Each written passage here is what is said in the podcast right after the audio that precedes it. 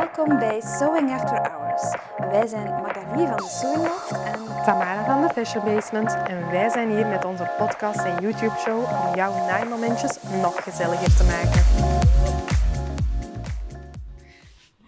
En welkom terug bij een nieuwe aflevering van Sewing After Hours. Vandaag hebben we het over een nieuwere, ja nieuwer, zo nieuw is het ondertussen ook al niet meer, Nee? maar toch iets dat meer en meer opkomt, Ja. is AirPad. Yes, Wat is AirPad? gerecycleerd, recycled petflessen eigenlijk.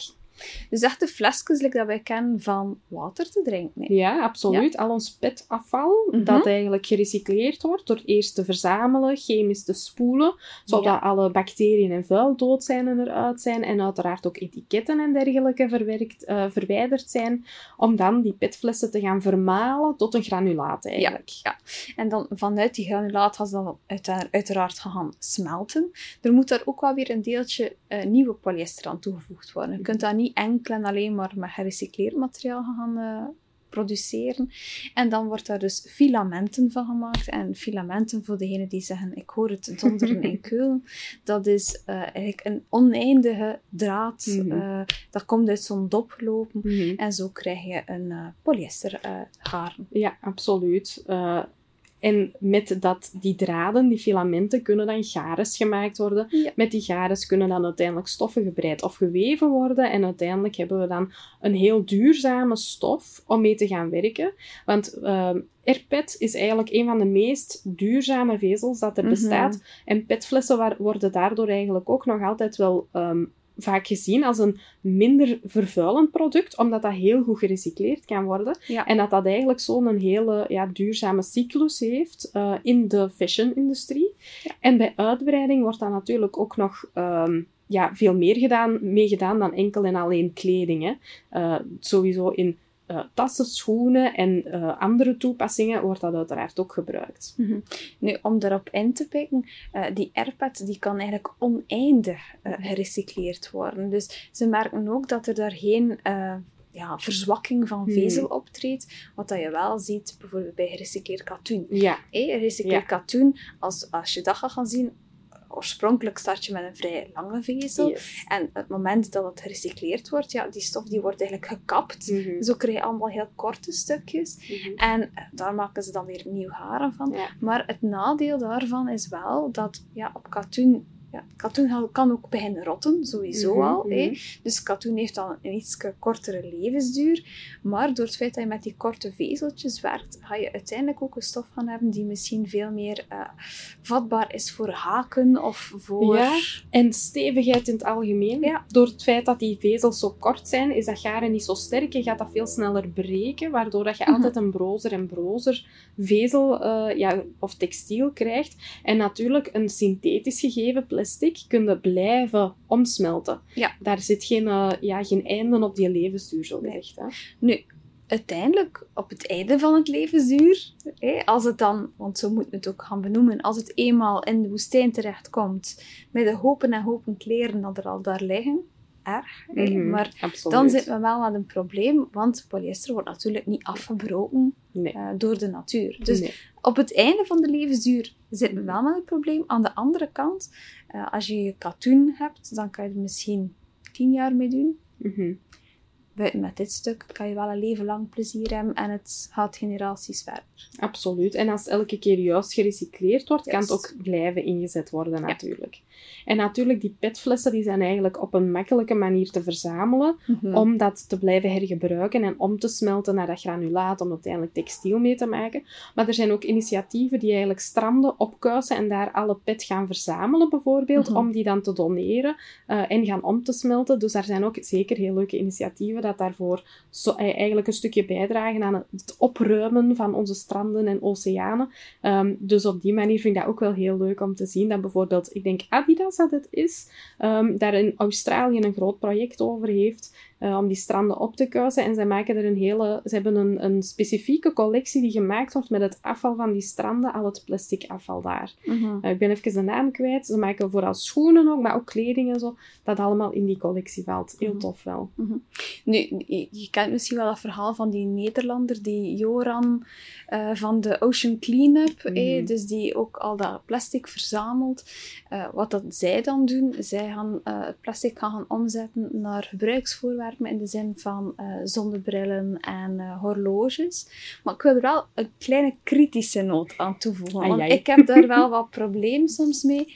Ehm, alles die valt, net als dat project dat je vertelt in Mhm. Australië, die valt onder zeeplastic. Mhm. Dat mag ook zijn, als we het nu zeggen op België bijvoorbeeld, dat we zeggen, ah, zeeplastic kan ook plastic zijn die teruggevonden wordt in de ijzer, Mhm. bijvoorbeeld. Mhm. Want het zou misschien ooit wel terechtgekomen zijn in de oceaan. Ja. Dus Ah, dan ja, valt dat ook nog altijd onder zeeplastic. Dus ja, aan het Schelde bijvoorbeeld, had dat dan ook weer wel zijn. Ja, het Schelde zit wel aan de zee, maar eigenlijk alle rivieren en dergelijke. Maar eh, het mag tot op een kilometer, ik dacht dat het 20 kilometer was van de zee. Dus dat wil zeggen, even goed als je rondloopt in het centrum van Brugge en daar is er een eh plastic cup dat gevang- eh, gevonden wordt en daar wordt er granulaat van gemaakt en airpadstof Mhm. zou dat eigenlijk het label mogen dragen van... Ah, ja. Ja. Oké, weet we zijn dan blij dat het opgeruimd is en herbruikt wordt, maar Ja. we mogen, allee, die greenwashing moeten we wel in de gaten Ja, houden, bij wijze ja. van spreken. Ah ja, dat wist ik helemaal Ja, niet. dat doen, ze, dat doen ze heel vaak, om dan net ook Mm. aan dat label te kunnen raken. Dus het is een beetje dubbel. en hetzelfde ook, ehm, niet alle plastic kan daar ook voor gebruikt worden. Nee. Ik denk ook maar, ehm, heel raar, maar colaflesjes die kunnen daar niet voor gebruikt worden. Mhm. Omdat eh, cola, als die in die... ehm, allee, in die plastic, ja, als je een, flesje water zet in je auto en het wordt warm na enkele dagen en je drinkt er opnieuw van, ja, dan smaak je ook die plastic erin. Mhm. Maar omgekeerd gaat ook altijd de vloeistof gaan afgeven aan de fles. Ah ja. Dus bepaalde eh, zaken, voornamelijk frisdranken, deze eh, flesjes kun je niet gaan gebruiken voor, eh, voor stof van te gaan maken. Omdat ja, die stof krijgen ze er niet uit om dan een mooie stof van te gaan maken. En er is er heel ja, gevoeld. Ik ben er, Ja, ja, ben ja, er ja. gep- ja, gepassioneerd van. Absoluut, is mooi. Eh, maar ehm er is er een heel schandaal ook over geweest. En dat was in, in Azië uiteraard, waar dat er een grote fabriek was eh, voor eh airpadstoffen te maken. En dus dan, naast die fabriek is er een fabriek die nieuwe flessen maakt. Mhm. En dan wordt dat granulaat. En dan wordt dat airpadstof. Ah ja. Want het is ooit een fles geweest. Oh, maar het is gewoon een fles gemaakt om rechtstreeks voor de airpad te dienen. ja, ja. Oh, Ja. verschrikkelijk. Dus als je kiest voor airpadstoffen, wat dat een fantastisch initiatief is, Mhm. is het wel ook goed om te gaan kijken naar de origine. Ja. En Mhm. dat is wel heel positief. Dat doet Europa nu heel grote stappen in. We zien dat meer en meer. Dat ze duidelijk gaan aangeven origine Ja. van een stof. Ja, want dat is niet altijd even makkelijk natuurlijk. En Nee. er kan soms nog wel een land vermeld zijn. Maar ja, binnenin een land weet je ook niet welke oorsprong of welk proces dat, dat doorlopen heeft, uiteraard. Nee, nee. Maar ze willen eigenlijk echt gaan tot aan een code van in welke fabriek dit gemaakt wordt. Dus Mm. het zit in de pijplijn voor de komende jaren. Dus het is alleen maar een positief iets. Al is het maar een stok achter de deur om dat greenwashing tegen te gaan. Ja, ja. ja, en op zich, het zal waarschijnlijk nog lang duren eer dat dat er effectief is. maar ze zijn er dan toch al ergens mee bezig. Ja. Maar nu goed, zo'n airpadstof, hoe voelt dat dan? Mhm. Ik denk dat dat misschien ook wel leuk is om te vermelden. Ja, zeker. Op zich vind ik eh, met zo'n airpadstoffen dat dat eigenlijk nog vrij zacht voelt. Want gerecycleerd, Ja. dan heb je vaak zo het idee van, oh, dat gaat een mindere kwaliteit zijn. Maar dat is eigenlijk helemaal niet het geval, hè. Nee, het voelt ook niet plastieke fles, hè. Mhm. Integendeel. Eigenlijk vind ik dat een beetje de feeling heeft van een model. Ja, ja. mhm. Omdat het zo vrij zacht en soepel is, hè. Mhm. Ja. Ehm, en wat dat zij vaak claimen, is dat het, waarschijnlijk is dat ook door de manier hoe dat ze die met filament eigenlijk gaan gaan maken, Mhm. is dat het ook echt vochtdrainerend is. En dat dat daarom ook veel gebruikt wordt in Nike, ehm, bijvoorbeeld in bij sport, jasjes ja. en eh, sportkleding. Ja, dat zijn toch vaak inderdaad zo wat de tak van de industrie waar dat je zo'n dingen eerst ziet verschijnen vooraleer dat dat Mhm. doorcijpelt. Hè. Ja. Want heel eerlijk, we zien dat in de fashion zo wat eh, de laatste jaren veel meer opkomen en gebruikt worden. Maar in de winkel zijn dat toch stoffen waar dat je niet zo gemakkelijk gaat op botsen. Hè. Nee. Kom jij dat vaak tegen?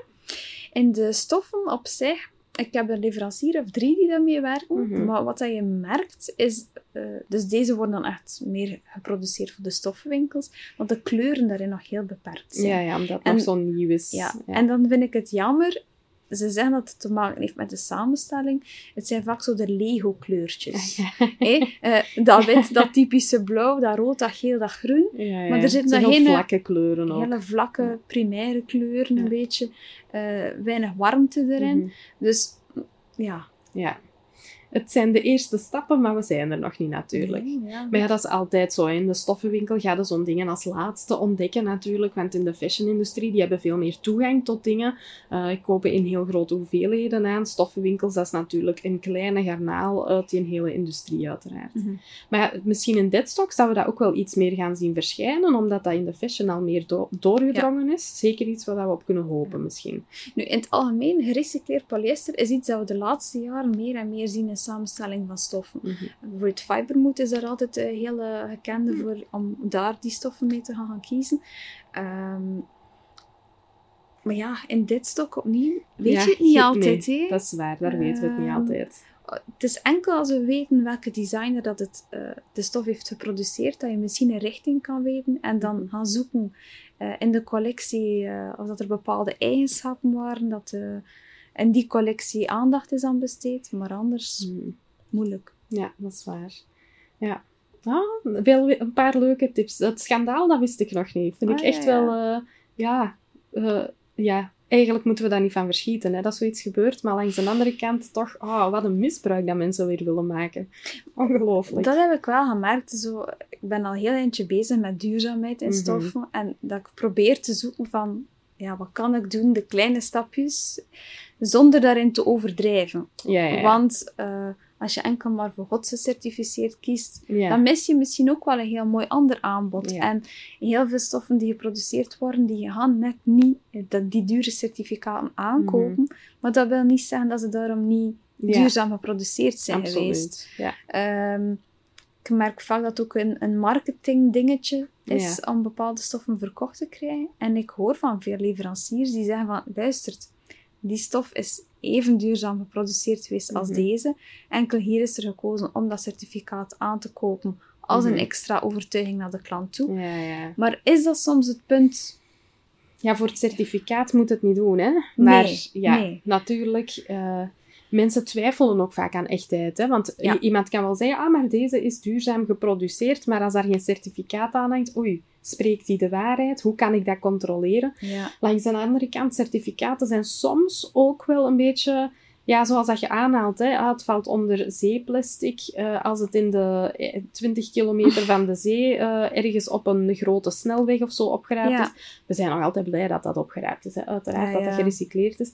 Maar dat is inderdaad waar eh, ja, zit je grens zo'n beetje. Hè. Ja. Zoals made in, hè, made in Belgium. Maar als er Ja. aan een bepaalde zeer dure handtas juist het handvat hier in België aangenaaid wordt en al de rest gebeurt in het buitenland, is dat ook made in Belgium. Ik weet niet in hoeverre dat je dat nog eh, ja, verantwoord krijgt, maar kijk. Ja. Nee, maar dat is ook met de stoffen zo. Ja. Heel veel stoffen die worden in de eerste weving bijvoorbeeld gedaan in het, in het, eh, in het buitenland, in Azië. Mhm. En dan komt het naar hier. In Nederland zie je dat veel. In Nederland worden ze dan digitaal geprint. Ah ja, dan is het made in eh, Holland of Nederland. Mhm. Ehm, maar de manier hoe dat de stof verweven is, de chemicaliën die gebruikt zijn, die Mhm. zijn eigenlijk Europees niet te Mhm. verantwoorden. Maar echt niet te verantwoorden. En door het feit dat ze hier gedrukt zijn, krijgen ze toch een Europees kwaliteitskeurlabel. En dan denk ik, maar dat is niet juist. Nee, nee. En hoe meer ik me daar soms in verdiep, hoe meer dat ik eerlijk gefrustreerd raak, omdat het zo moeilijk is Ja, om het juiste te vinden. Mhm. En dan denk ik altijd, ja, het gezond boerenverstand, proberen daarin te volgen. En, en ja, Ja, en ook een buikgevoel. Hè. En ook inderdaad een evenwicht vinden. Hè. Dat is niet altijd makkelijk, maar we willen rekening houden met bepaalde dingen. Maar je mocht, ja, zoals met alles, er niet te ver in gaan. Ja. En vooral ja, ook niet alles zomaar geloven. Eh, van wat dat we tegenkomen. En soms ook gewoon eens opzoeken een certificaat dat dan iets hangt. Wat houdt dat nu exact in? Juist. Want godsgecertificeerd katoen, of bijvoorbeeld biokatoen, oké, dat is nu even iets anders dan erpet. Ja. Maar ehm, ja, in biokatoen zit een bepaald percentage biologisch katoen. Maar daar zit dan nog altijd heel veel andere zaken bij die niet biologisch zijn. Als Mhm. consument denkt je, ah, dat is 100% biologisch. Dat is niet zo. Dat is maar voor Mhm. 60 of 70% biologisch. Mhm. En godsgecertificeerd zit veel hoger, maar oké, dat blijft altijd nog iets bijzitten. En dat is dan helemaal eh, duurzaam en beter en verantwoord, helemaal akkoord. Maar als consument weten dat niet altijd. Hè. Dus Mhm. soms ja, wat in de gaten houden wat dat je koopt. Zelf ook eens op onderzoek gaan. Dat is ook niet slecht soms. Nu, dat biologisch katoen, om daar nog een keer op in te pikken, we hebben daar nu al verschillende jaren dat we heel slechte oogsten hebben Mm. op katoenvlak. Heeft ook te maken met verandering van de aarde, uiteraard. Mhm. eh, met de, heel veel warmte dat we krijgen. Droogte aan de andere kant. En dan ook insecten die meer en meer eh, resistent worden. En wat heb ik allee, vernomen, is dat zowel momenteel bij gewoon katoen als bij biokatoen, dat er zo goed als evenveel pesticiden nodig zijn bij het produceren Ja, van het katoen Om het te zelf. laten overleven. En dat dan vaak het bio-gedeelte en meer zit in de nabehandeling ervan Mhm. en bij het kleuren. Mhm. Maar dat eigenlijk bij de Ja. basis, Ja. eh, het feit van de aarde goed te krijgen, dat daar het, het grootste probleem hem eh, Mhm. even hoog voordoet. Dat is ook een, een onderwerp waar dat we nog, denk ik, een ganse aflevering over Ja. kunnen maken, over dat heel biologisch katoen gegeven. Ja. Maar ik vind het wel tof om te horen dat je dat nu aangeeft. Want de laatste jaren is inderdaad, je merkt ook, de katoenprijzen zijn enorm gestegen. Ja. Eh, maar daar zit dus wel echt effectief van alles achter. Ja, en, en ze moeten gewoon meer en meer af van die katoen, want het, is, Mhm. het wordt moeilijker en moeilijker om het te verbouwen Mhm. op een goede manier. Ja. Ja. Alright. Maar ik zie je smelten. Ja, het is hier best warm. Het is hier best warm, hè? Dat hadden we niet verwacht op deze tijd van het jaar, hè? En we moeten eigenlijk hier in winterkleren zitten. dat wordt een uitdaging. Maar goed, we gaan de uitdaging Yes, aan. absoluut. Al sinds tot een volgende keer en voor een nieuwe aflevering van Sewing After Hours. Vooraleer dat je vertrekt, wist je dat je ook deze video kan liken en een comment kan nalaten. En uiteraard kan je ook abonneren op ons YouTube-kanaal. En je kan ook op het bel-icoontje klikken om een melding te ontvangen telkens er een nieuwe aflevering is, zodat je er geen enkele mist. Mhm. Maar je kan ons ook volgen op social media. Dit vind je terug op Instagram onder Sewing After Hours of The Fashion Basement en The Sewing Loft.